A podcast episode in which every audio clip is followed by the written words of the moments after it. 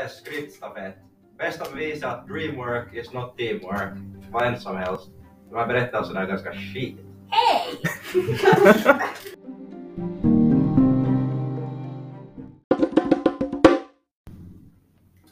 Veckoslutet hos farbror Lilian. Psykologiskt djupt. Det var ett veckoslut som alla andra. Jag vaknade prick 6.66 på morgonen och åt hö varmt i mikrovågsugnen uppdrag min egen och såg ut som hon hade något att säga åt mig. Hör du, kommer du ihåg din farbror Lilian? Frågade han efter flera minuter av att sitta och rulla sina stortår i tystnad.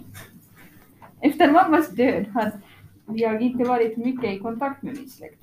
Alla var ändå tråkiga och jag hade ingen som jag kunde diskutera med dem om. Jag hade redan glömt de flestas namn. Men farbror Lilian, den mindes jag.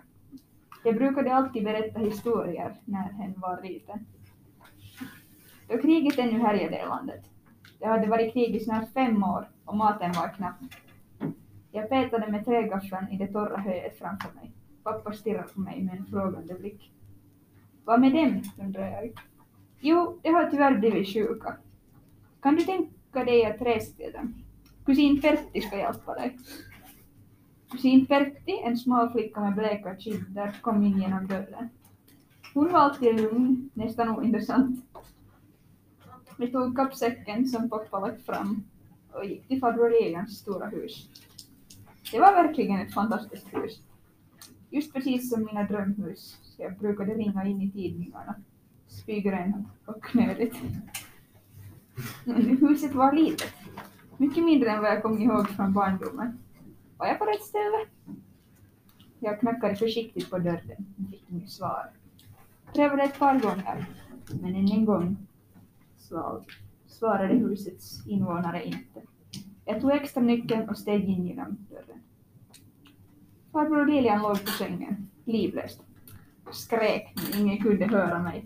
Jag tryckte med darrande fingrar på min telefon och ringde ambulansen. Hen är död, sa doktorn och suckade. Nej, han kan inte vara död. Inte efter att allt hen gått igenom. Hur kunde hen vara död? Jag satte mig på stolen i vardagsrummet och tittade ut genom fönstret. Jag hade ingen kvar. Alla var döda. Det fanns inget kvar för mig. Slut! Slut!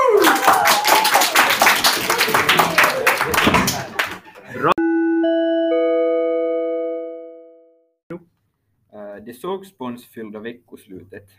Jussi gick ut i skogen. Han var svettig och uthärdig, fast han tvättat sig kanske två gånger under dagen. Jussi klättrade upp i ett träd och öppnade dörren. Han steg in och doftade efter goda do dofter. Det var relativt svårt så han gick ut igen. Jussi hoppade ner från trädet med motorsågen i höger, i högra handen och tandborsten i den vänstra. Han fällde några träd. Nej, det är svårt. Tills han var tvungen att sluka en stor och saftig banan. Okej. Okej, okej. Sedan gick han in där hans mor stod och lyssnade på den utmärkta låten Gangsta Barn. Just jag hade planerat att slå ihjäl min mor. Men eftersom man lyssnade på den på bra musik måste han slå ihjäl Musse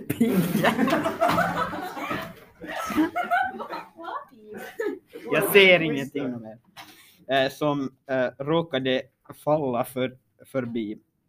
Jussi gick fram till Musse Pigg med motorsågen i båda händerna. Det var Musse Piggs sista veckoslut.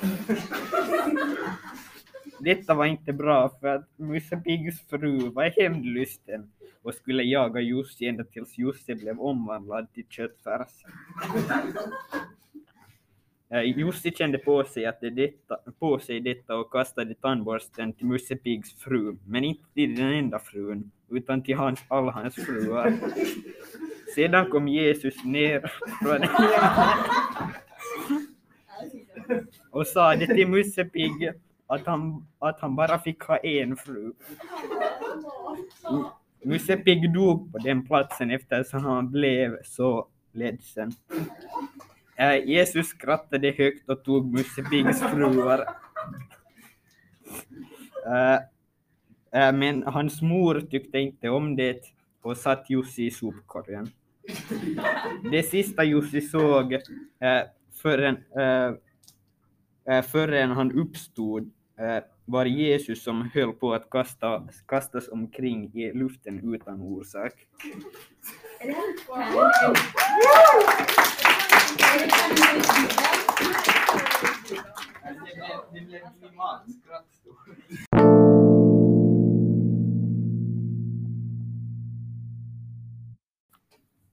Pelles helg i helvete. Det var en gång en finurlig pojke som hette Pelle. Hans favoritaktivitet var att leka på mitten av gatan med sina kamrater Bosse och Mikael. En dag bestämde sig Bosse för att gå ut och jogga på motorvägen. Pelle ville komma med, men hans mamma lät inte honom, så han måste smyga ut bakvägen. Häftigt, sa Mikael då han såg sin kompis springa mot honom. De gick till motorvägen.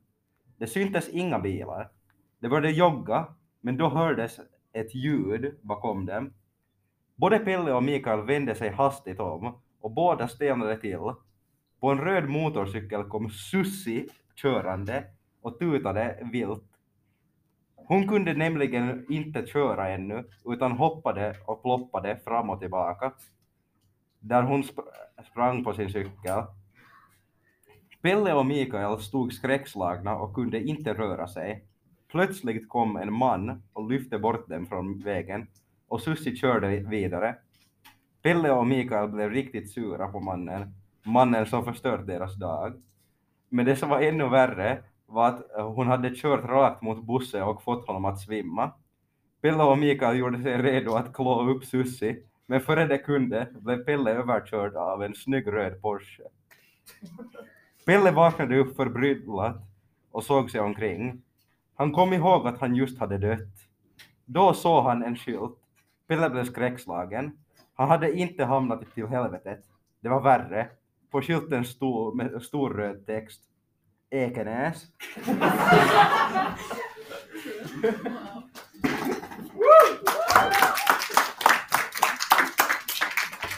Någon som är från Hangö måste säga att det, det är faktiskt värre nog.